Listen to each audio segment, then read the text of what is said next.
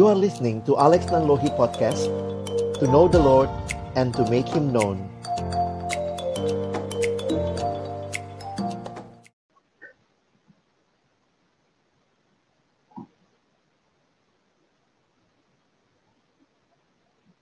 Halo, selamat malam teman-teman semua. Selamat malam, Ray. Apa kabar? Halo, selamat malam teman-teman. Selamat malam juga, Bang Alex. Puji Tuhan, baik kabarnya. Kita bersyukur ya malam hari ini boleh kembali ketemu dengan teman-teman sekalian di YouTube Alex Nanlohi. Dan kesempatan seperti biasa kita setiap Kamis malam ingin berbagi, ingin sharing, dan juga saling menguatkan Oke, Ray sendiri gimana nih kabar? Masih di rumah terus ya? Udah hampir setahun ya? iya. ya? Minggu ini ya bersyukur hmm. kalau mungkin dari pelayanan mahasiswa uh, aku punya kesempatan isi pembinaan apa ya regenerasi pengurus-pengurus hmm. baru. Jadi ya sudah salah satu yang paling kusyukuri oh ada yang bersedia ya melayani yeah. karena karena kan ada ya maksudnya aduh pada mau nggak ya gitu di tengah pandemi gini dipersiapkan hmm. dilengkapinya cuma lewat apa zoom meeting begitu bakal dari awal tuh bakal mau nggak ya tapi ya ini beberapa udah banyak ibadah pengutusan ibadah pengutusan gitu ya yeah. rangkaian pengutusan jadi ya aku bersyukur gitu ya Tuhan terus setia memberikan apa gembala buat domba-domba dan ya aku bersyukur buat itu ya kalau aku juga ngelihat ini ya, Ray, apa uh, justru di tengah-tengah situasi seperti ini uh, ada aja ya cara Tuhan dan kayak minggu-minggu ini aku lagi banyak siapin retret sekolah. Jadi ada dua retret sekolah yang sudah jalan, masih ada tiga ke depan dan menarik gitu ya. Akhirnya guru-gurunya nyiapin karena rencananya berharap yang biasanya bulan September diundur sebenarnya ke awal tahun hmm. karena harapannya sudah bisa offline. Eh hmm. ternyata mau nggak mau harus dilakukan dengan online. Dan ya tentu ada ada ini ya, ada plus minus di sana sini hmm. tapi melihat semangat untuk terus memberitakan kebenaran ya, hmm. menyampaikan tentang uh, bagaimana orang bisa bertumbuh di dalam Tuhan. Hmm. Nah, itu itu mengagumkan hmm. sih. Hmm. Dan ya malam hari ini kita juga bersyukur ya buat teman-teman yang sudah join mungkin uh, silakan di live chat nanti boleh kenalan dan juga boleh sharing nanti ya Ray apa hmm. yang teman-teman rasakan atau alami juga dan nanti kita juga akan berbincang dengan narasumber kita malam hari ini teman-teman yang juga melayani di tengah kondisi online. Hmm. Nah, sebelumnya mari kita berdoa terlebih dahulu.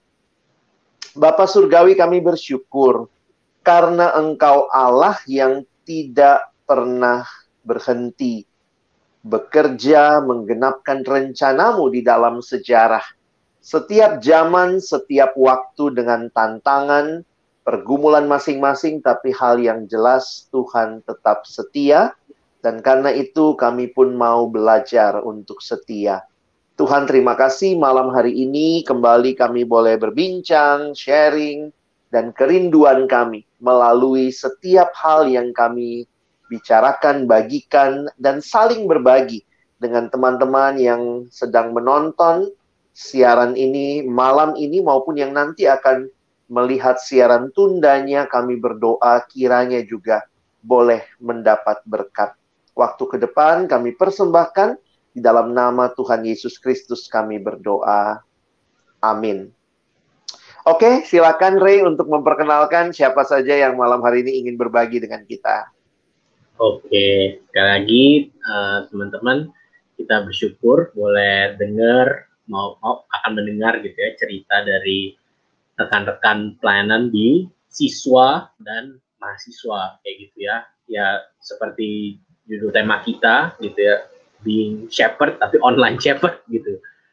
Uh, aku yakin ya kita semua pun juga ya sebagai pelayan gembala ingin mendoakan bahwa domba-domba yang Tuhan kasihi, siswa mahasiswa yang kita layani boleh terus ya dalam kondisi yang baik ya Bang ya di tengah terus pandemi begini dan kita akan iya. dengar cerita pengalaman baik mereka yang melayani maupun juga yang dilayani.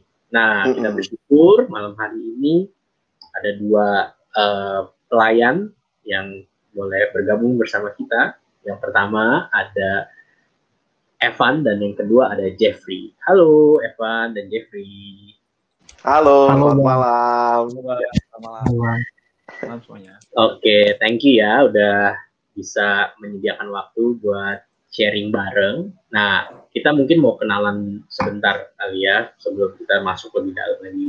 Uh, mungkin boleh kenalin eh, masing-masing oh ya nama sih udah ada ya tapi mungkin jurusan kuliah uh, apa fakultas apa kampus mana dan saat ini uh, melayani di di bagian mana gitu ya di bidang mana dan di wilayah mana mungkin kayak gitu. Mungkin kita mulai dari Evan dulu boleh? Silakan Evan. Oke ya. Namaku udah terlihat lah ya. Namaku Zevanya tapi biasanya nama akrabnya itu Evan gitu. Uh, saat ini lagi belajar maksudnya lagi kuliah di Fakultas Hukum kayak gitu. Udah semester akhir sih gitu. Jadi udah semester akhir. Lalu uh, Fakultas Hukum Universitas Indonesia gitu. Kadang emang Fakultas Hukum ini suka suka GR kayak gitu. Jadi ngomongnya Evan tapi uh, saat ini melayani nggak di kampus tapi melayani di pelayanan siswa. Uh, di pelayanan siswa itu aku sebagai koordinator umum. Koordinator Boleh pertama. sharing dikit pelayanan siswa kalau di pelayanan siswa Jakarta tuh kayak gimana? Maksudnya ada wilayah apa aja dan apa sih yang dilakukan oleh Evan dan teman-teman TPS secara khusus gitu? Maksudnya boleh sharing singkat gambarannya seperti apa? Oke, di Jakarta sendiri ada enam wilayah, enam wilayah, hmm. uh, dan juga itu terbagi jadi ada empat wilayah yang sudah uh, bilangnya apa ya sudah uh, lumayan stabil dan juga ada dua wilayah. Bahkan uh, tahun ini bahkan jadi tiga gitu. Tiga wilayah stabil dan tiga wilayah perintisan. Uh, tiga wilayah stabil itu ada Jakarta Timur Jakarta Selatan dan Jakarta eh sorry Depok. Uh, pelayanan Depok kayak gitu. Terus uh, pelayanan perintisannya ada Jakarta Timur 2, terus ada pelayanan uh, Jakarta Pusat dan juga Jakarta Barat. Dari semua wilayah ini umumnya sih uh, pelayanannya hampir sama ya, maksud biasanya kami sebetulnya jadi jadi tiga tiga jadi ada tiga bidang tiga bidang pelayanan uh, pelayanan kelompok kecil, terus ada pelayanan uh, visitasi dan juga pelayanan persekutuan besar kayak gitu atau biasanya disebutnya uh, Stufel kayak gitu. Kalau di Jakarta sebutnya student fellowship atau Stufel kayak gitu sih. Kayak gitu, Bang. Oke, okay, thank you. Berarti Evan dan teman-teman TPS yang mungkin tiap hari apa ada waktu ke sekolah kayak gitu ya, gitu yeah. kecil atau memvisit gitu ya, apa yeah. lihat progresnya kayak apa. Oke. Okay. Evan sendiri di sekolah apa aja yang Maksudnya yang nah. lagi jadi bagian Evan? Ya semenjak jadi korum jadinya jalan-jalan, nggak ada wilayah tetap kayak gitu. Jadi diminta untuk mendamp untuk uh, mendampingi semua, tapi uh, tetap ada sekolah yang apa ya, sekolah yang jadi uh, untuk didampingi itu SMA 39 Jakarta. Gitu, itu hmm. Jakarta Timur.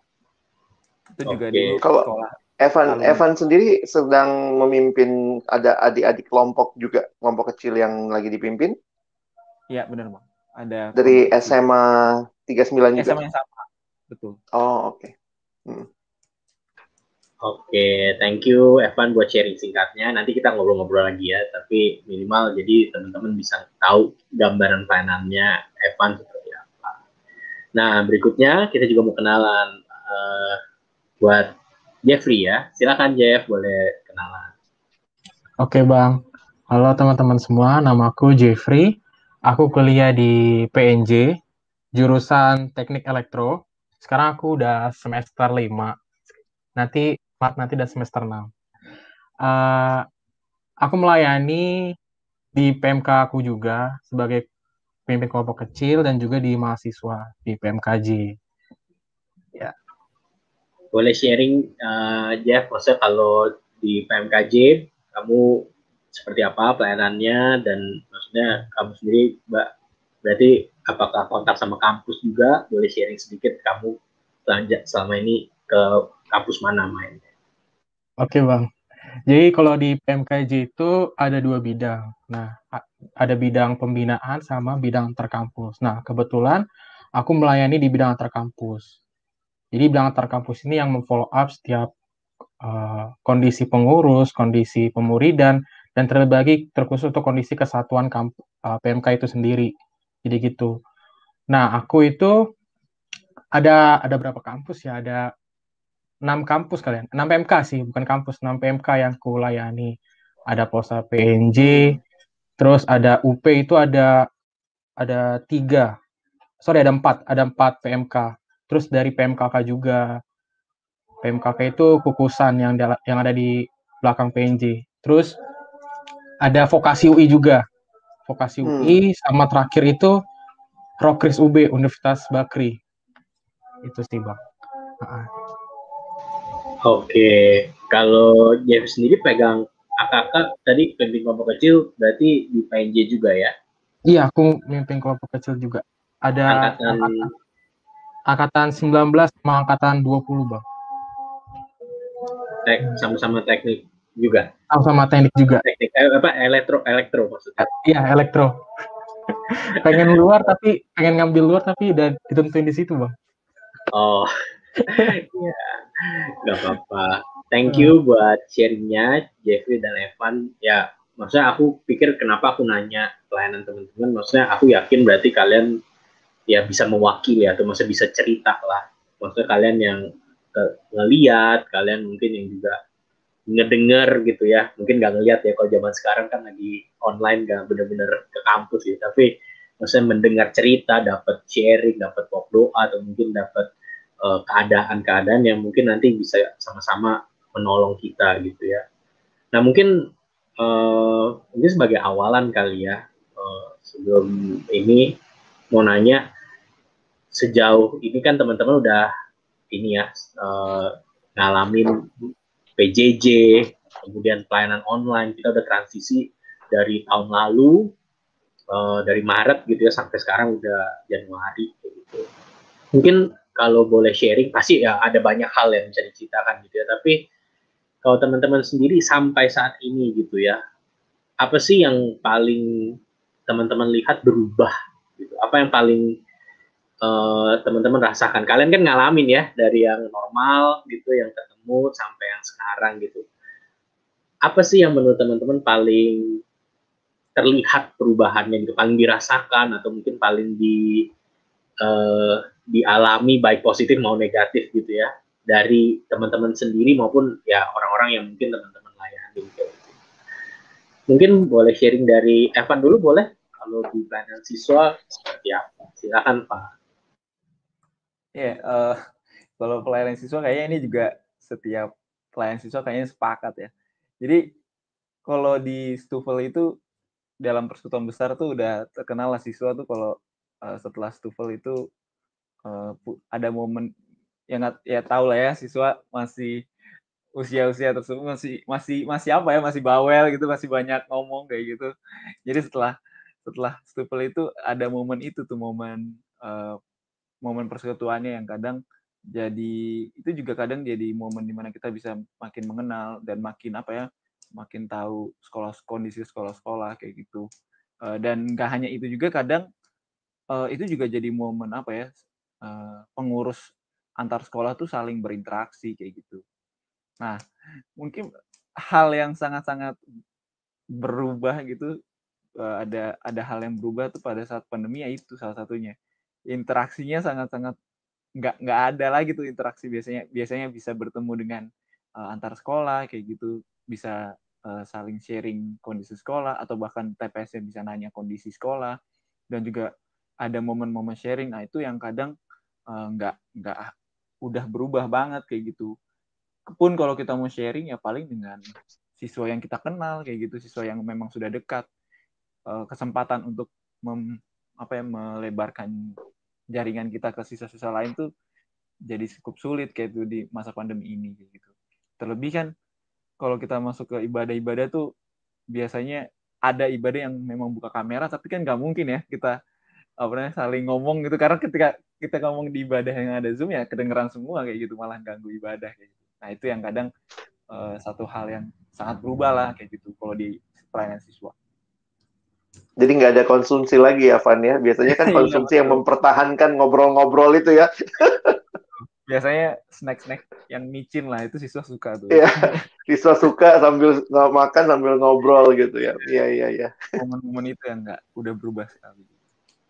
Biasa ketahuan tuh siapa yang kelangganan tiap minggu langsung datang ke meja belakang. Betul. udah ketahuan. ya jadi mungkin apa ya ya aku yakin teman-teman kita semua juga ngalamin ya ngerasa juga gitu ya salah satu yang paling berasa itu momen apa ya, fellowship gitu ya bersekutu atau kadang-kadang kan di kayak yang begitu jadi lebih deket ya di ibadahnya kayaknya biasa aja gitu tapi setelah ngobrol-ngobrol sharing itu yang yang paling berasa membangun relasi tapi sekarang mungkin batas gitu ya. Thank you Evan. Itu satu ini ya satu sisi. Kalau Jeff kalau kamu melihat dari kita mahasiswa pelayananmu sendiri apa yang kamu rasakan paling berubah? Paling kalau dari bidang mahasiswa paling nggak beda tipis kali sama siswa kali ya. Paling yang paling beda itu kayak kehangatannya kalau kita bertemu gitu loh. Misalkan kalau kita ada ibadah PMKJ atau mungkin ibadah persekutuan kayak kalau kayak bareng-bareng dengan tatap muka kayak bareng-bareng duduk bersama gitu kayak enak aja gitu enggak jadi kayak kita menikmati setiap apa yang didapat. Dan juga paling uh, sama juga kayak fellowshipnya juga kayak setelah ibadah pasti kita ada interaksi juga kayak entah kenalan entah mungkin juga sharing kondisi apa uh, dengan berbeda PMK gitu loh. Karena mungkin ya yang paling berubah kalau selama pandemik ini kayak mungkin interaksi atau mungkin kayak hubungan itu kayak mungkin agak longgar lagi karena mungkin beberapa mahasiswa atau mungkin atau jemaat kayak mungkin agak rada malu kalau mungkin lewat chat gitu loh karena kan nggak ketemu langsung. Kan kalau misalnya kalau kita tatap muka langsung pasti kayak gampang aja kayak uh, kita bakal uh, mungkin cerita atau mungkin kayak cerita kondisi bagaimana kondisi PMK sekarang gitu sih. Paling yang paling berbeda itu paling uh, hubungan itu aja sih. Selebihnya kayak kalau kayak ibadah dan juga kayak uh, paling itu hanya perbedaan di online aja sama offline gitu aja sih. Tapi perbedaannya itu kayak hubungan itu aja sih. Kayak kehangatannya kayak beda aja gitu. Iya iya. Kalau kamu dipikir-pikir kan khotbah tetap ada gitu ya. Iya uh, diberitakan. Tapi memang yang nggak bisa dipungkiri ya berkaitan tentang relasi atau mungkin kedekatan kayak gitu ya. Beberapa sempat ya dalam beberapa pembinaan gitu ya beberapa juga sharing uh, sulit dikontak gitu ya. Aku nggak tahu apakah teman-teman ngalamin gitu maksudnya sulit. Maksudnya padahal kita pakai HP gitu ya tapi malah slow respon atau sulit. Apakah itu terjadi atau teman-teman alami? Baik ke orang di layanan itu sama kalian ya banyak bang karena mungkin banyak. beberapa karena mungkin beberapa orang yang aku uh, pernah aku pernah tanya sendiri aku pernah belak belakan nanya sendiri ke orang kayak kok kok lu slow respon banget? Gitu. Ternyata emang kondisinya beberapa ada yang uh, jarang buka HP atau mungkin jarang megang HP juga kayak gitu. Ada beberapa kondisi seperti itu. Ada juga yang kondisinya sibuk. Jadi karena karena banyaknya chat jadi kayak terpental kayak chat kita kayak tenggelam gitu sama chat-chat yang udah gitu loh. Beberapa jadi kayak kadang kayak kalau aku mikirnya kayak apa dia apa aku ada salah sama dia gitu loh. Tapi ternyata emang ternyata setelah aku tahu cerita dari dia oh iya berarti emang kondisi dia yang emang nggak bisa dipaksakan sih. Jadi kita emang harus sabar aja sih. Gitu bang. Oke. Jadi, tadi di pembinaan ada pertanyaan gimana kalau akak slow respon? Ya gimana ya? Nggak bisa gimana gimana ya? Kita kalau kita nggak megang HP-nya kalau kita megang HP ya bisa kita yang balesin gitu. Tapi ya itu jadi pertanyaan gitu ya. Evan gimana Evan kalau di siswa? Nah uh, kalau di siswa apa ya? Sebenarnya dari dua pihak sih. Siswanya juga so, ada siswa yang sorry uh, respon dan juga ada juga pelayannya pun jadi slow respon kayak gitu. Kalau siswa uh, kayaknya hmm, hampir semua dari mereka tuh uh, beralasannya kalau misalkan slow respon ya itu alasannya ngerjain tugas kayak gitu. Sebenarnya hal yang klasik kayak gitu. Tapi kalau mau di maksudnya kalau sempet nanya juga kayak gitu berapa lama sih lu megang HP kayak gitu. Gue nggak gue juga kurang tahu ya kenapa tapi ini ada fenomena ini menarik fenomena kayak gitu. Dia bisa menghabiskan waktu yang cukup lama untuk uh, media sosial lain kayak gitu bisa surfing lama di YouTube. Tapi kadang dia emang biarin chatnya di dibiarkan kayak gitu. Nah dia bilang kayak gitu dan gue pun belum tahu tuh kenapa ya kayak gitu dia ya. Maksudnya dia lebih memilih untuk surfing di ini uh, media sosial lain kayak gitu dibandingkan ngecek ngecek chat-chat. Itu kan sebenarnya chat-chat yang chat-chat itu kan sebenarnya berinteraksi kan gitu. Ya dia nggak mau aja berinteraksi. Nah sampai hari ini pun gue masih belum tahu itu kenapa. Kalau dari sisi nah, pelayan-pelayan sih beberapa yang gue temui memang jarang buka HP kayak gitu.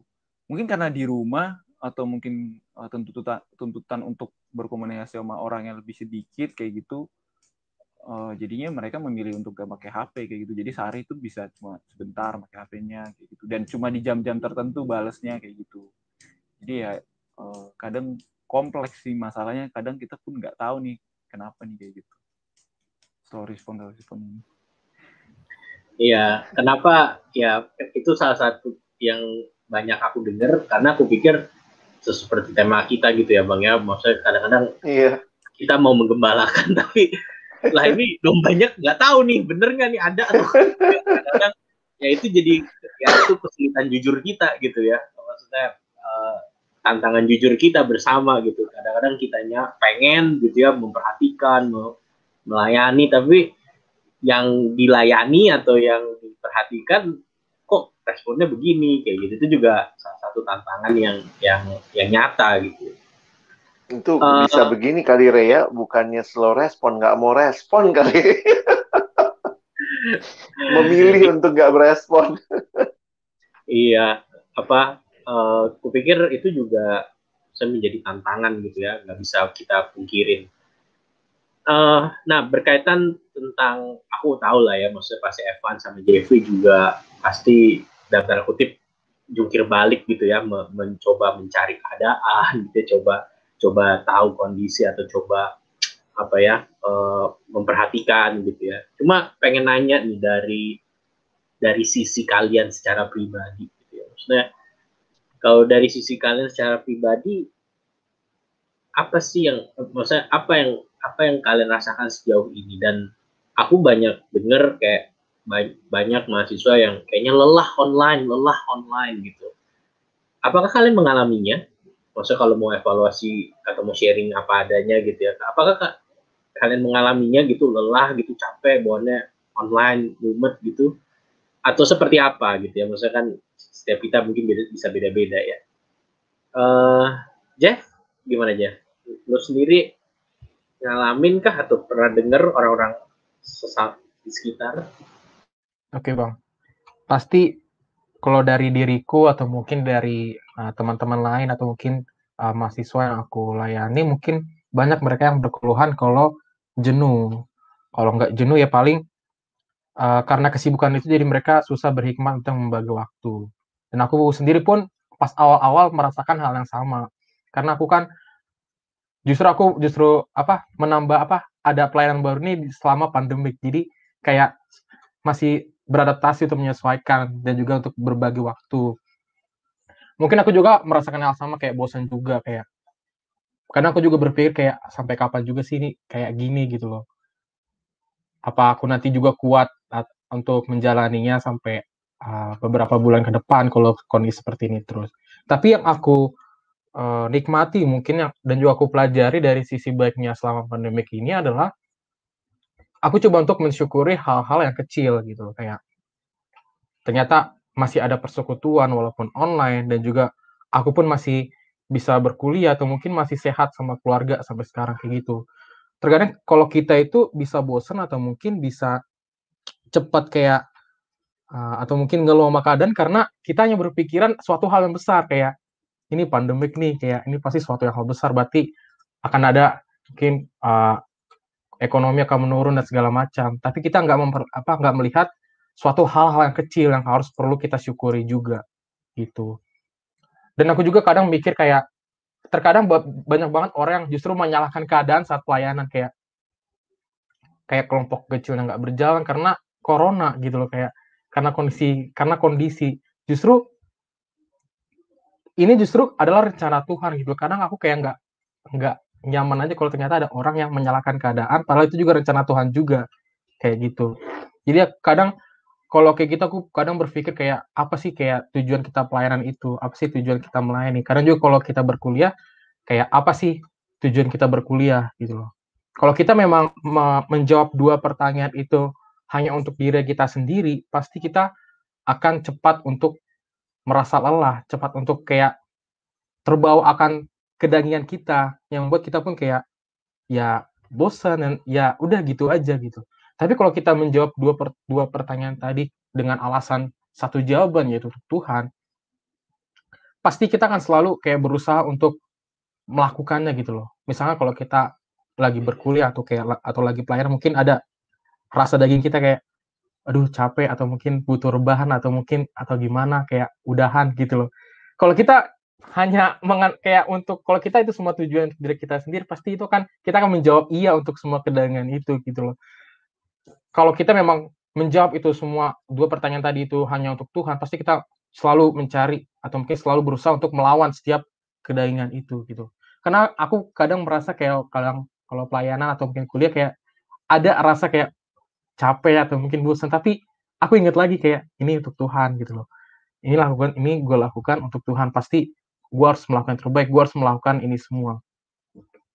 Dan pada akhirnya kita akan mensyukuri bahwa kita bisa menyelesaikannya ya hmm. aku kadang kayak menyelesaikan kayak wah ini kayak bisa selesai gitu padahal aku nggak expect bakal sejauh ini padahal aku tapi aku bisa menikmatinya dan juga bisa uh, suka hmm. cita untuk jalaninnya gitu sih kadang kita perlu harus bisa melawan setiap kedangnya kita dan ingat lagi bahwa semua itu untuk Tuhan oke okay, thank you Jeff buat sharingnya kadang sebenarnya juga yang kata Jeffrey bilang ya aku juga setuju uh, kadang-kadang uh, capeknya tuh bukan karena aktivitasnya gitu loh. Maksudnya kalau dibilang capek online, tapi ya kita juga nonton juga. Jadi ada sesuatu yang lebih mendalam gitu ya dari cuma sekedar rasa capek dan ya tadi Jeffy bilang tentang rasa bersyukur tentang mengingat ini semua untuk apa itu berpikir sangat masa sangat penting untuk kita terus pikir dan ya ingat gitu ya. Evan sendiri gimana pengalamanmu? Ada cerita atau ada sharing? Ya, uh, jadi men, uh, pandemi ini sebenarnya apa ya untuk untuk orang kayak sebenarnya orang kayak gue ini bisa bisa semangat lagi atau bisa dapet apa ya bisa dapet semangatnya lagi bisa dapet uh, api pelayanan lagi tuh kalau udah ketemu orang kayak gitu ketemu atau berjumpa dengan rekan-rekan uh, pelayanan kayak gitu berjumpa dengan uh, apa ya siswa-siswa atau mungkin teman-teman sepelayanan. Nah itu tuh biasanya tuh semangat tuh ada lagi tuh. Nah biasanya kalau ketemu orang tuh kita jadi semangat lagi. Itu itu secara pribadi aku kadang tuh bisa dapat semangat lagi kalau itu tuh ketemu orang dan juga uh, ketemu uh, siswa-siswa atau orang-orang yang dilayani kayak gitu. Nah tapi pas pandemi kayak gitu masuk pandemi, nah itu hampir itu seperti ya semenjak negara api menyerang ya kayak gitu. Itu tuh semuanya tuh kita jadi kita tuh di depan laptop sendiri kayak gitu. Apalagi di awal pandemi itu kan sempet eh, nggak uh, dinyalain video kayak gitu. Itu seperti apa ya? Kita seperti ibadah bersama laptop kayak gitu. Nah itu jadi itu jadi tantangan banget tuh Karena apa ya? Uh, jujur kalau misalkan secara pribadi karakter gue kalau misalkan eh, nggak uh, nggak nemu orang atau nggak berkomunikasi nggak berinteraksi itu jadi kayak kehilangan apa ya kehilangan kehilangan ini apa ini kayak gitu di depan laptop kayak nonton YouTube biasa jadinya kan kayak gitu. Nah itu itu sebenarnya pergumulan-pergumulan yang ada kayak gitu. Karena biasanya gue bisa kembali semangat atau kembali menemukan uh, apa yang mau Tuhan mau kerjakan atau Tuhan sampaikan kepada gue tuh ketika berinteraksi dengan orang, ketika salah satunya mungkin baca baca buku kayak gitu hal yang hal-hal kayak gitu tuh yang biasanya menolong gue kayak gitu. Tapi ketika pandemi kan itu semua seperti hilang kayak gitu kayak kita beribadah lewat laptop online kayak gitu nggak nemu orang nggak ada hanya lewat uh, satu satu arah kayak gitu. Nah itu itu yang jadi tantangan sebenarnya yang terbesar kayak gitu. Nah tapi pada akhirnya gue belajar gini sih uh, jangan sampai kita uh, men, apa ya membenak atau menjustifikasi hal yang hal yang salah dengan oh itu karakter gue udah kayak gitu jadi ya mau gimana dong? kayak gitu. Kadang kadang kita hmm. pakai pakai alasan-alasan kayak gitu tuh. Nah, itu itu kadang juga gue pelajari. Itu sama pandemi itu akhirnya belajar juga kayak gitu bahwa ya ternyata uh, hati-hati juga gitu. Nggak hati-hati dalam arti jangan sampai gue membenarkan maksudnya jadi males atau jadi uh, nggak nggak nggak fokus ibadah dengan alasan ya emang gue karakternya nggak gitu. Gue pengennya tuh ibadah kayak seperti biasa kayak gitu. Nah nah itu tuh yang diperjuangkan lah gitu sama pandemi. Akhirnya memperjuangkan uh, bersyukur juga sih akhir-akhir ini uh, PMKJ misalkan uh, memberikan pilihan lewat uh, persekutuan dengan pendalaman Alkitab. Nah itu juga kadang juga menolong kayak gitu dengan interaksi-interaksi itu. Walaupun kadang tuh jadi berpikir oh ternyata gue nggak berjuang sendirian ya kayak gitu. Ternyata orang lain juga merasakan hal yang sama kayak gitu merasakan pergumulan gue jadi uh, di satu sisi akhirnya uh, bisa perlahan-lahan untuk belajar perlahan-lahan untuk akhirnya ya akhirnya berdamai dengan keadaan ya. Mau nggak mau kayak gitu berdamai dengan keadaan. Kayak gitu sih. Itu itu uh, secara mulai dari Maret lah kayak gitu. Iya, aku pikir maksudnya dengan sharing Evan masa teman-teman yang merasa begitu ya nggak sendirian gitu ya. Uh, hmm. maksudnya yang tapi aku juga setuju sama Evan bilang ya. Ya itu membuat kita jadi kayak mikir gitu ya. Kok gue peduli waktu ketemu sama orangnya? Kalau nggak ketemu kayaknya nggak bisa peduli kan.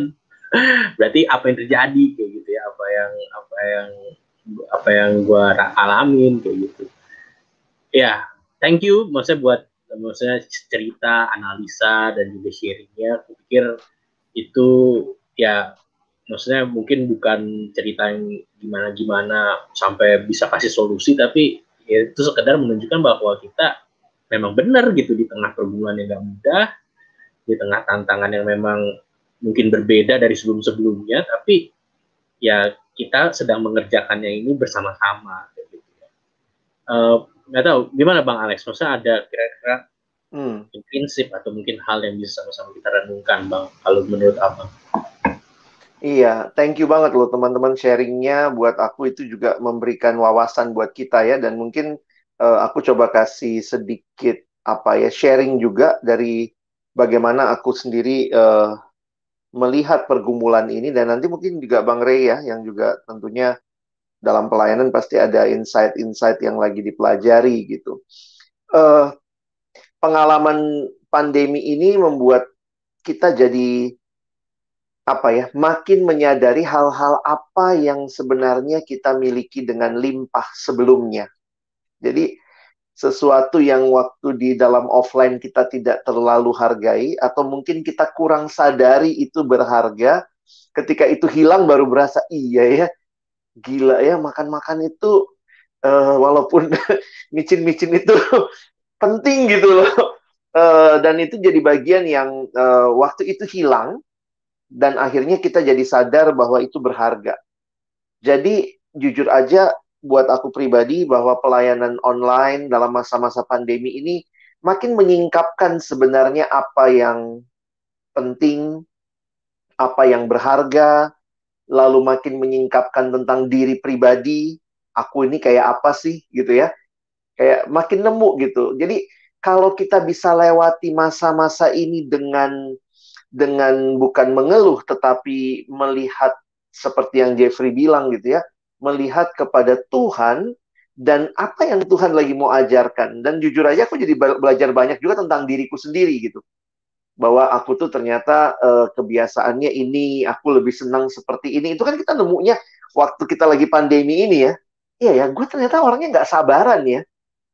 Kalau internetnya ngadat, gue marah banget ya gitu ya kalau tiba-tiba suara MC-nya hilang gitu kayaknya gue sewot banget gitu ya jadi akhirnya makin meng, meng apa ya mengekspos uh, siapa diri saya dan juga sebenarnya jujur yang paling belajar banyak adalah makin menyadari siapa Tuhan.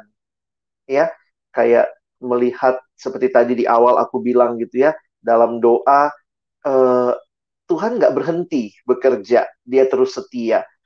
Dan akhirnya waktu itu memang bergumul juga ya kalau teman-teman ingat gitu ya aku dengan Ray itu banyak tektokan di awal ketika masalah ini terjadi pandemi bagaimana memulai pelayanan dalam masa online apa yang harus diperhatikan. Dulu kayaknya hampir tiap malam ya kita ngobrol gitu what next gimana caranya. Dan memang inspirasi terbesar menurutku yang aku sendiri dapat dalam pergumulan adalah uh, firman Tuhan. Memang ya kalau dikatakan firman Tuhan bermanfaat untuk mengajar, menyatakan kesalahan, mendidik orang dalam uh, ini ya uh, kelakuan yang benar begitu. Dan firman itu pelita bagi kakiku, terang bagi jalanku. Aku tuh sangat menikmati akhirnya kayak Tuhan menghidupkan beberapa ayat-ayat yang aku udah tahu. Udah di PA-in, udah tahu. Tapi kayak Tuhan bilang, nih Lex, rasain ya. Ke pengalaman lo ngerasain tuh ya. Waktu Paulus bilang, siap sedialah uh, beritakanlah firman baik atau tidak baik waktunya. Kayaknya selama ini baik aja waktunya ya. Ini waktu yang tidak baik dalam arti maksudnya kondisi yang terjadi sulit gitu. Waktu Paulus bilang karena pemberitaan Injil inilah aku menderita, malah dibelenggu seperti seorang penjahat. Dia ada dalam penjara. Ya kita juga lagi ada dalam penjara walaupun jujur aja waktu kita membandingkan gila ya kita nggak ada apa-apanya sama Paulus kita dalam penjara-penjara ini masih ngalamin slow respon ya. Uh, tapi jangan lupa waktu itu kan Paulus dalam penjara juga cara dia komunikasi kan nggak pakai HP ya. HP seslow respon-responnya ya sebenarnya kalau orang itu sadar ya dia paling nggak read ya. Kalau dia read centang biru kan kita oh yang penting dibaca gitu ya. Ini Paulus waktu itu kan harus kirim surat sampai suratnya di jemaat, nanti dikirim lagi balik gini, ini kirim surat bisa tiga bulan kali baru datang lagi surat berikutnya ini kabar saya gitu ya dan mungkin bagi mereka waktu itu it, it's not slow response it's the situation it's the condition jadi akhirnya aku jadi kayak belajar juga makin sabar. Kalau orang slow respon ya gue langsung inget Paulus. Paulus juga lama direspon gitu ya. Itu mungkin penghiburan yang ya sekali lagi juga berdoa tentunya ya. Dan aku makin menghayati bagaimana doa jadi bagian penting ya. Bagaimana menggerakkan orang lewat doa bagaimana memohon kepada Tuhan lewat doa. Untuk hal-hal yang mungkin sudah kita take it for granted kita sangat take it for granted ketika kita melihat orang meresponi kita ya ya udah take it for granted memang dia harusnya respon kok tapi ketika kita mohon respon sampai berdoa Tuhan, semoga dia respon gitu ya. Itu jadi kayak wow gitu. Mengalami banyak juga pengalaman-pengalaman iman waktu berdoa, waktu minta sama Tuhan. Bener tuh yang Jeffrey bilang tuh. Kadang-kadang dulu aku mikir, ya elah untuk belajar semangat. Gimana sih? Uh, belajar online kan nggak semangat ya. Beberapa jenuh. Tapi bener minta sama Tuhan. Tuhan ini aku minta dong kekuatan, kesegaran gitu ya Makanya orang kalau nanya gitu, Bang Alex mau didoain apa dalam masa pandemi, aku selalu minta tolong supaya berikan kesegaran yang dulunya kayaknya otomatis. Kenapa? Saya melayani Tuhan, saya bagikan firman, something very automatic, ternyata itu sesuatu yang ya jadi pengalaman iman untuk minta sama Tuhan. Tuhan minta ketabahan untuk bisa khotbah di depan layar yang gue nggak tahu nih orang lihat apa kagak, dia denger apa tidak gitu ya. Terus kemudian beberapa kali juga ya tadi siang gitu dengan Evan gitu ya mimpin KKR ini anaknya matiin matiin apa ya camp kita nggak tahu ini orang responnya seperti apa akhirnya cuma bisa minta sama Tuhan untuk ya Tuhan aku kerjakan bagianku Tuhan dalam anugerahmu Tuhan mengerjakan bagiannya jadi jujur aja banyak dari firman Tuhan sehingga mungkin beberapa prinsip yang aku uh, mau garis bawahi kali ya nanti Bang Rey bisa tambahin yang pertama itu adalah uh, belajar dari Paulus dalam situasi yang sulit. Paulus tuh boleh dikatakan juga di karantina. Karantinanya kan agak lama lagi ya di penjara dan segala macam nggak ketemu. Tapi bagaimana penggembalaan online bisa dia lakukan? Saya melihat yang pertama yang sangat jelas yang muncul di surat-suratnya karena suratnya itu kan surat penggembalaan buat jemaat adalah doa. Jadi saya pikir dalam situasi seperti ini teman-teman yang melayani, mungkin melayani kampus-kampus, melayani siswa-siswa, mahasiswa, jemaat di gereja, penggembalaan yang utama ketika semua tidak sanggup kita lakukan, maka doa. di dalam kitab Filipi misalnya Paulus jelas banget gitu ya. Aku bersyukur kepada Tuhan setiap kali mengingat engkau dalam doaku, lalu dia meminta kepada Tuhan supaya Tuhan yang berikan pertumbuhan ya. Satu uh, Filipi 1 ayat 9 sampai 11 itu ya. Kadang-kadang saya mikir gitu. Jangan-jangan saya juga udah mulai sombong. Saya rasa saya lah yang buat orang itu bertumbuh. Betul sih Tuhan pakai saya, tapi saya akhirnya juga bisa jadi melupakan Tuhan dan tidak berdoa Tuhan berikan pengenalan itu kepada mereka. Bahkan ketika saya nggak bisa hadir, Tuhan dengan berbagai cara yang ajaib sanggup mengaruniakan pertumbuhan. Saya pikir Paulus waktu berdoa seperti itu dia juga dalam penjara gitu ya. Gimana menghayati? Tapi itulah penggembalaan itu adalah ada gembala yang peduli dengan dombanya dan berdoa buat domba-domba itu. Jadi uh, never stop praying itu yang uh, saya pelajari dan yang kedua usahakan sedapat mungkin membangun relasi-relasi pribadi ya. Jadi sebenarnya masalah uh, online offline benar ya kata siapa tadi ya. Mau bicara online offline kalau memang kita nggak pengen bangun kontak pribadi biar micin ditaruh di situ juga kita juga nggak nggak bangun kontak pribadi ya. Jadi ini masalahnya bukan masalah online offline. Tapi mintalah hati kepada Tuhan untuk memang membangun relasi pribadi. Kalau di dalam offline kita membangunnya lewat micin, dan konsumsi misalnya kebersamaan setelah persekutuan, kita mesti pikirkan dengan kreatif, dengan mendalam bagaimana supaya interaksi terjadi. Kontak yang mungkin kita lakukan by phone, kita bisa kirim voice notes. Mungkin kalau Evan tadi bilang juga ya uh, siapa tuh uh, anak-anak susah banget respon gitu ya, tapi dia di tempat lain apa kita kirimnya YouTube ya? Kita ngerekam di YouTube terus kita kirim link buka nih gitu ya. Tadi bikin apaan nih ternyata? Hai udah saat teduh belum? Gitu kali ya. Nggak tahu lah tapi maksud saya akhirnya uh, kontak pribadi jadi penggembalaan nggak ada yang berubah sebenarnya. Doa kontak pribadi bangun relasi memastikan bertumbuh berjalan bersama tapi akhirnya kita lakukan dengan lebih bergantung kepada Tuhan dan lebih sabar lebih sabar lebih telaten gagal satu metode coba lagi metode lain Paulus pakai metode apa ya? Dia kirim surat. Jadi dia kirim surat. Jadi tentu dia berdoa. Kalau buat kita cuma doa ya selesai ya. Tapi ternyata Paulus nggak cuma doa. Dia kirim surat. Kadang-kadang dia merasa nggak cukup kirim surat. Dia kirim orang dengan surat.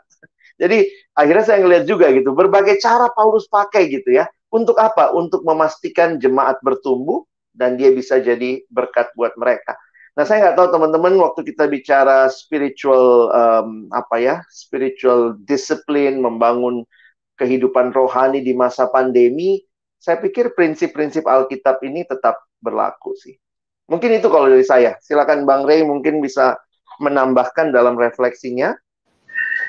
Ya, waktu waktu masa secara pribadi gitu ya merefleksikan kondisi ini menurut satu perenungan gitu ya kalau bang Alex kan sering bilang gitu Paulus juga begitu itu yang akhirnya buat aku jadi mikir justru sebenarnya di kondisi beginilah kekristenan aslinya lahir gitu ya maksudnya justru di tengah kondisi lagi terbatas lagi di, di bawah tekanan dianiaya sehingga harus kabur harus diam-diam nggak bisa gampang bersekutu nggak bisa gampang be, apa menunjukkan identitas tapi di situ justru kekristenan pada mulanya berasal gitu. Jadi aku kadang-kadang cara, cara bersyukur dan memuji Tuhan tuh adalah Tuhan kau bentuk kami semakin serupa gitu ya, semakin semakin inilah kekristenan yang kami baca di Alkitab dan dan kami punya anugerah mengalami gitu. Jadi aku pikir itu menolong kita buat kalau tadi bahasanya Evan berdamai ya. Maksudnya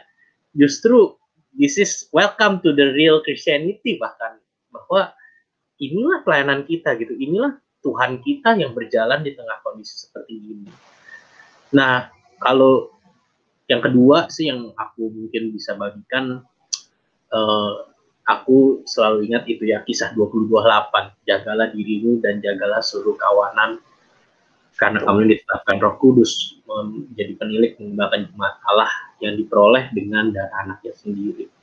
Aku pikir uh, jagalah diri dan jagalah kawan itu dua kata yang maksudnya saling berkaitan.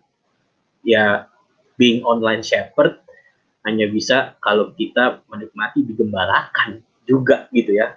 Dan Tuhan tuh menggembalakan kita lebih dari online gitu ya. Dia dia Allah maha jauh Allah maha tinggi tapi mampu memberikan kuasa untuk terus menggembalakan kau dan saya kayak gitu. Aku pikir uh, yang tadi Jeffrey bilang mengingat kembali kepada Tuhan tujuannya yang Evan bilang jangan menyerah sama keadaan jangan jadi excuse. Itu kan hanya diperoleh ketika kita jaga diri gitu. Jaga diri lewat ya firman lewat lewat doa lewat perenungan uh, pribadi kayak gitu jadi aku setuju sama Mbak Les bilang gitu ya minta sama Tuhan itu bentuk jaga diri kita karena hmm. dengan menjaga diri kita bisa menjaga menjaga kawanan kayak gitu dan ya, aku selalu apa terharu gitu ya di bagian keduanya.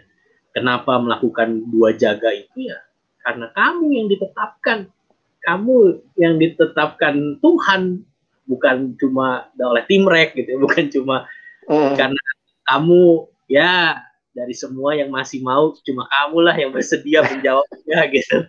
Kayak masih mau pimpin. Tapi memang ya ya izinkan aku boleh mengimani gitu ya Jeffrey Evan itu memang Tuhan pilih di 2021 di tengah pandemi jadi gembala, jadi jadi pelayan gitu. Dan ya aku mengimani juga ya semua teman-teman yang lagi ngalamin masa transisi gitu ya periode yang lalu yang sekarang mulainya dari online ya memang kamu kita yang ditetapkan Roh Kudus gitu menggembalakan jemaat Allah. Jadi kalau Tuhan yang menetapkan uh, apa kita berani berpikir Tuhan salah atau apa nggak tepat gitu. Itu yang menolongku secara pribadi juga. Ya mari gitu lakukan. Artinya kalau Tuhan pilih pasti Tuhan yang sanggupkan gitu dia yang dia yang pilih pasti dia yang tahu gitu kita punya hmm. kelebihan dan kekurangan yang menolong kita bisa menjadi gembala yang tepat buat kondisi ini jadi itu dua hal sih bang yang mungkin hmm. menjadi sejauh ini Nah, karena itu juga Bang Rey ya, kita secara nasional ya, pelayanan perkantas tuh rindu untuk sama-sama memulai tahun ini. Memang kayaknya udah lewat nih ya, bulan Januarinya aja udah mau habis gitu. Tapi kita akan mengawali nanti di bulan Februari. Kita lihat ya, ada satu acara yang kita ajak nih teman-teman semua, siswa, mahasiswa, ya kita berdoa ya. Ini bukan basa-basi, bukan nggak ada kegiatan lalu bikin-bikin acara ya, karena itu mengajak semua rekan-rekan. Ini terbuka ya untuk siswa, mahasiswa, pelayan siswa, pelayan mahasiswa, eh, para staff ya kita berharap boleh ikut bersama kita melakukan uh, acara namanya doa raya pelayanan siswa mahasiswa perkantas secara nasional jadi kita bukan hanya dari satu daerah, tapi dari berbagai daerah. Hari Kamis, ya itu berarti minggu depan, tanggal 4 Februari, jam 5 sore sampai setengah 7 WIB. Jadi silakan disesuaikan dengan waktu daerah teman-teman masing-masing. Dengan pembicara ada Bang Anton Katoba, dia akan eh, menyampaikan firman Tuhan dan acara kita juga adalah doa dan sharing bersama. Kita sangat mengharapkan teman-teman boleh uh, berjuang juga sama-sama memohon kepada Tuhan ya di tengah-tengah situasi yang kayaknya memang masih belum berubah ya Bang Rea. Masih hmm. studinya online, pelayanannya masih online. Jadi jadi pengen nanya lagi tuh gimana akhirnya visitasi online tuh Van ya? Gimana tuh kunjungan kampus online gitu? Uh, pengen dengar juga. Nah mungkin uh, itu ya teman-teman uh, saya menginformasikan acara itu untuk menjadi uh, perhatian dan kerinduan kita bersama. Minggu depan kita akan berdoa dan sharing bersama. Silakan bang Ray oke nanti di akhir ntar aku tampilin flyernya lagi kan ya. Jadi ntar teman-teman mungkin ya bisa lihat lagi. Nah tapi mungkin untuk uh, mengakhiri gitu ya atau masa di bagian akhir ini. Mungkin kembali lagi mau mau tanya ke Evan dan Jeffrey ya seperti yang tadi kita mungkin udah bahas uh, apa yang kira-kira uh, dirindukan atau bisa didoakan ke depannya? Maksudnya secara pribadi Evan sama Jeffrey sendiri dalam dalam mungkin kita dalam hal ini ya pelayanan kita gitu ya dalam hal uh, menjadi gembala di masa online ini apa yang kira-kira bisa uh, dirindukan oleh teman-teman pelayanan siswa di TPS ataupun di PMKJ dan ya nanti mungkin kita akan doakan bersama gitu ya. Uh, ada rencana apa mungkin ke depannya yang mungkin juga bisa kita sama-sama dukung dalam doa. Jadi kita bisa sama-sama uh, tahu gitu ya.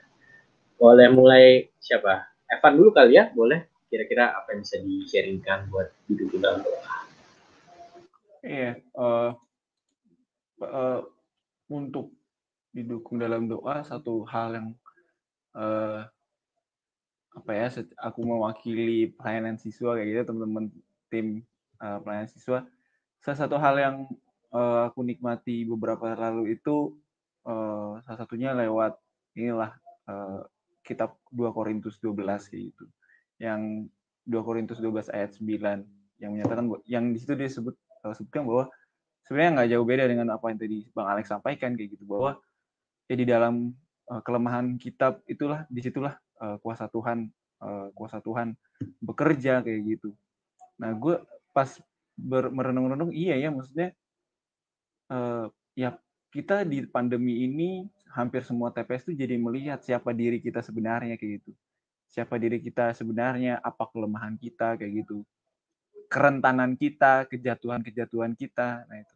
Di situ gue jadi mikir, wah uh, sebenarnya pandemi ini ada blessing in disguise-nya juga kayak gitu bahwa ya inilah kita ngelihat diri kita sendiri nih sekarang kita ngaca dengan kondisi kita sendiri dan bersyukur firman Tuhan juga yang pada akhirnya mengingatkan kayak gitu bahwa ya memang seharusnya apa yang tadi seperti yang Bang Alex bilang kita harusnya semakin menyadari bahwa setiap uh, langkah pelayanan kita seharusnya kita bergantung kepada Tuhan kayak gitu bahkan hal-hal kecil yang kita nggak pernah pikirkan sebelumnya kayak misalkan berinteraksi dengan siswa pun itu sebenarnya harusnya kita bergantung dengan Tuhan dalam kondisi seperti ini gitu. Jadi doakanlah supaya maksudnya uh, di dalam evaluasi terakhir itu banyak TPS TPS yang uh, banyak yang melihat apa ya dirinya yang asli doakan supaya mereka supaya kami semua tuh bisa akhirnya apa ya kalau di dalam bahasa Inggrisnya boast in God kayak gitu Be, bermegah di dalam kekuatan yang ada di dalam Allah kayak gitu tolong doakan itu dan juga rencana uh, kami akan evaluasi semester bulan Februari gitu. Doakan supaya momen itu juga jadi momen apa ya? Doakan supaya jadi momen kami disegarkan kembali lah kayak gitu, disegarkan untuk kembali melihat bahwa ya kondisi pandemi ini jangan sampai kita jadikan kambing hitam like kambing hitam kayak gitu. Kita semuanya salahin pandemi, pandemi, pandemi. Padahal sesungguhnya ini adalah momen di mana uh, Tuhan mau menunjukkan bahwa engkau butuh aku kayak gitu. Kita butuh Tuhan dalam mengerjakan eh, pelayanan yang seperti ini gitu. doakan itu kali ya ya Oke, okay, thank you Evan. Kita nanti juga sama-sama doa ya buat teman-teman TPS, pelayan siswa dan uh, apa apa evaluasi ya maksudnya bulan Februari besok. Oke, kalau Jeffrey gimana? Apa kerinduan atau mungkin uh, apa yang bisa diundang doa buat ke depannya? Silakan Jeff. Kalau dariku paling doakan aja untuk pelayanan di mahasiswa agar semangat terus gitu. Kalau memandang pandemik ini kalau ternyata suatu uh, keberuntungan atau mungkin suatu rencana yang Tuhan emang sediakan untuk kita kayak mungkin kalau sebelum-sebelumnya kita kalau kurang mungkin nggak punya waktu untuk uh, datang kepada Tuhan tapi kita di sini kayak diajar kayak kita tuh bisa kalau kata Bang Alek bilang kayak kita tuh siapa sih kalau tanpa Tuhan gitu loh jadi kita bisa terus mengenalkan Tuhan, apalagi di kondisi-kondisi seperti ini, baik itu mungkin uh, pelayanan di mahasiswa atau mungkin PKK, pengurus, jadi bisa terus semangat dan juga uh, saling uh, menguatkan mungkin ya di tengah-tengah pelayanannya. Terus juga paling ingat banget paling uh, paling aku selalu ingat kata-kata yang dari Paulus itu kayak yang siap dialah untuk memberitakan firman, baik tidak baik waktunya gitu. Kalau kulihat lagi dengan kondisi Paulus, benar amat kata Bang Alek, kalau dia tuh walaupun di kondisi penjara aja dia tetap mau untuk melayani Tuhan gitu loh. Dia kayak terus mencari uh, banyak cara, apa pun caranya dilakukan memang untuk terus melakukan pemuridan itu gitu loh. Atau mungkin melakukan pelayanan itu. Jadi di sini kita kayak jangan hanya terpaku sama kalau kan kalau pandemik ya gitu aja gitu, tapi bisa mencari bagai, banyak cara untuk bisa melayani Tuhan, pakai segala sosial media dan juga balik lagi untuk terus uh, semangat untuk melayani Tuhan. Itu aja sih. Baik PKK, pengurus, mungkin yang melayani di kampus gitu Oke, thank you buat sharingnya uh, Jeff dan juga Evan. Uh, dari Bang Alex, ada hal lagi kira-kira Bang yang mau diingatkan atau ditegaskan buat kita semua sekaligus nanti mungkin mendoakan kali ya Bang ya, boleh mendoakan hmm. Iya, um, secara khusus sih melalui siaran malam hari ini um, penggembalaan itu belum berhenti hanya karena pandemi. Pelayanan terus harus dilakukan, banyak siswa yang butuh dilayani, banyak mahasiswa yang butuh dilayani untuk kenal Tuhan, berjumpa dengan Tuhan, bertumbuh dalam Tuhan. Dan mungkin saya garis bawahi yang Bang Ray bilang tadi ya, bahwa pentingnya ketika kita menggembalakan, kita pun sedang terus memberi diri digembalakan oleh Sang Gembala Agung. Jadi itu jadi apa ya uh, kekuatan kita lah kalau teman-teman tadi ngomong, saya makin sadar sesuatu yang kayaknya spiritual, hal-hal yang dulu kayaknya kita take it for granted, benar-benar sekarang ya mesti minta gitu. Dalam arti ya inilah kebergantungan sama Tuhan. Every step, um, every prayer gitu ya. Kalau kita nyanyi uh, apa grace alone, emang benar minta sama Tuhan supaya kita mengalami itu. Dan orang yang kita layani pun mengalami apa yang sama-sama kita rindukan. Jadi ya kiranya sekali lagi buat teman-teman yang mendengar malam hari ini, baik langsung maupun nanti siaran tunda, silahkan boleh meresponi dan minta sama Tuhan ya. Kalau kita bilang, aduh adik-adik kelompok kecil kita nih nggak slow respon, ya minta sama Tuhan ya, bukan cuma kirimin WA bertubi-tubi gitu ya. Kadang-kadang ya itu caranya ya, tapi bagaimana sebenarnya kita ada longing bahwa Tuhan aku ingin dia mengenal Engkau. Aku ingin dia bertumbuh di dalam Engkau dan termasuk di situ pun kita jadi belajar lebih sabar ya bahwa waktu Tuhan bukan waktu kita kadang-kadang pas waktu Tuhan juga waktu kita gitu ya. Waktu kita pas waktunya Tuhan tapi ini kayak Tuhan mau ngajarin gitu ya. Dan ya seneng seperti yang Bang Rey bilang ya kita makin belajar kayak kekristenan mula-mula ya. Semoga kita makin kayak Paulus ya. Makin makin sadar bahwa setiap hal yang dia alami itu karena anugerah Tuhan. Jadi Thank you dan saya akan menutup dalam doa. Mari kita berdoa. Bapa di dalam surga, segala puji, hormat, dan syukur kami naikkan kepadamu karena sungguh Tuhan, Engkau tidak pernah meninggalkan kami, Engkau berjalan bersama kami. Termasuk di masa pandemi ini, di tengah-tengah pelayanan yang serba online. Ada banyak tantangan, sama juga seperti pelayanan offline kalau pelayanan online ada kejenuhan, pelayanan offline pun kami sering kali juga mengalami kejenuhan. Karena itu bukan bagaimana pelayanan itu online atau offline semata ya Tuhan. Semuanya pasti punya tantangan masing-masing. Tetapi bagaimana kami berserah kepada Tuhan. Bagaimana kami menyerahkan diri dipimpin oleh Tuhan dalam setiap langkah hidup dan pelayanan kami. Itulah yang kami minta Tuhan, berilah kepada kami kekuatan, berilah kepada kami hikmatmu, berilah kepada kami semangat. Sebagaimana yang tadi disharingkan juga oleh Evan bahwa di dalam kelemahan kami, kuasa Tuhan melimpah-limpah. Kami berdoa biarlah pelayanan siswa dan Evan juga secara khusus boleh mengalami limpahnya kekuatan dari Tuhan dan bagaimana setiap TPS, tim pembimbing siswa, setiap pengurus-pengurus rokris di sekolah-sekolah, kami berdoa semuanya diberikan kekuatan dan semangat dari Tuhan untuk melayani generasi ini para siswa bagi kemuliaan Tuhan. Ke depan ada uh, rapat evaluasi, mengevaluasi pelayanan yang juga Evan rindukan tadi menjadi kesempatan konsolidasi, sama-sama melihat kepada Tuhan dan semangat kembali, biarlah itu boleh terjadi. Karena kami sadar bahwa pelayanan online mungkin masih akan berlangsung satu tahun ke depan. Kami berdoa Tuhan, kami memohon hanya kepadamu. Demikian juga buat Jeffrey dan pelayanan mahasiswa. Hal yang sama terus kami mohon.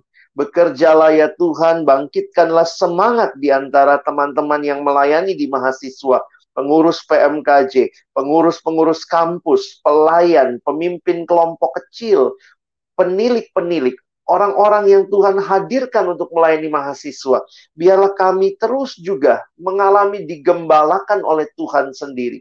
Sehingga kami pun bisa mengembalakan kawanan domba milik Allah, orang-orang yang Tuhan percayakan. Sekali lagi terima kasih, karena kami bukan hanya bisa bersama-sama berdiskusi malam hari ini, tapi juga kami datang memohon, meminta kepada Tuhan, dan kiranya Tuhan menjawab seturut dengan waktu dan kehendakmu. Bentuklah kami terus melalui situasi, kondisi, pelayanan, dan di dalamnya biarlah kami makin hari makin serupa dengan Kristus. Itu doa dan kerinduan kami. Terima kasih banyak Tuhan.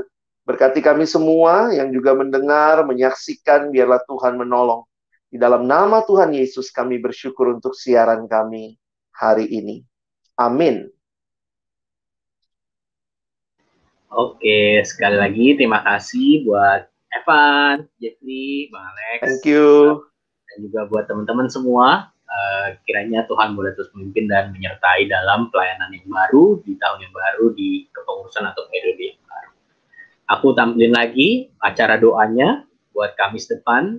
Uh, teman-teman berharap bisa ikut semua. Sampai jumpa minggu depan. Bye, thank you.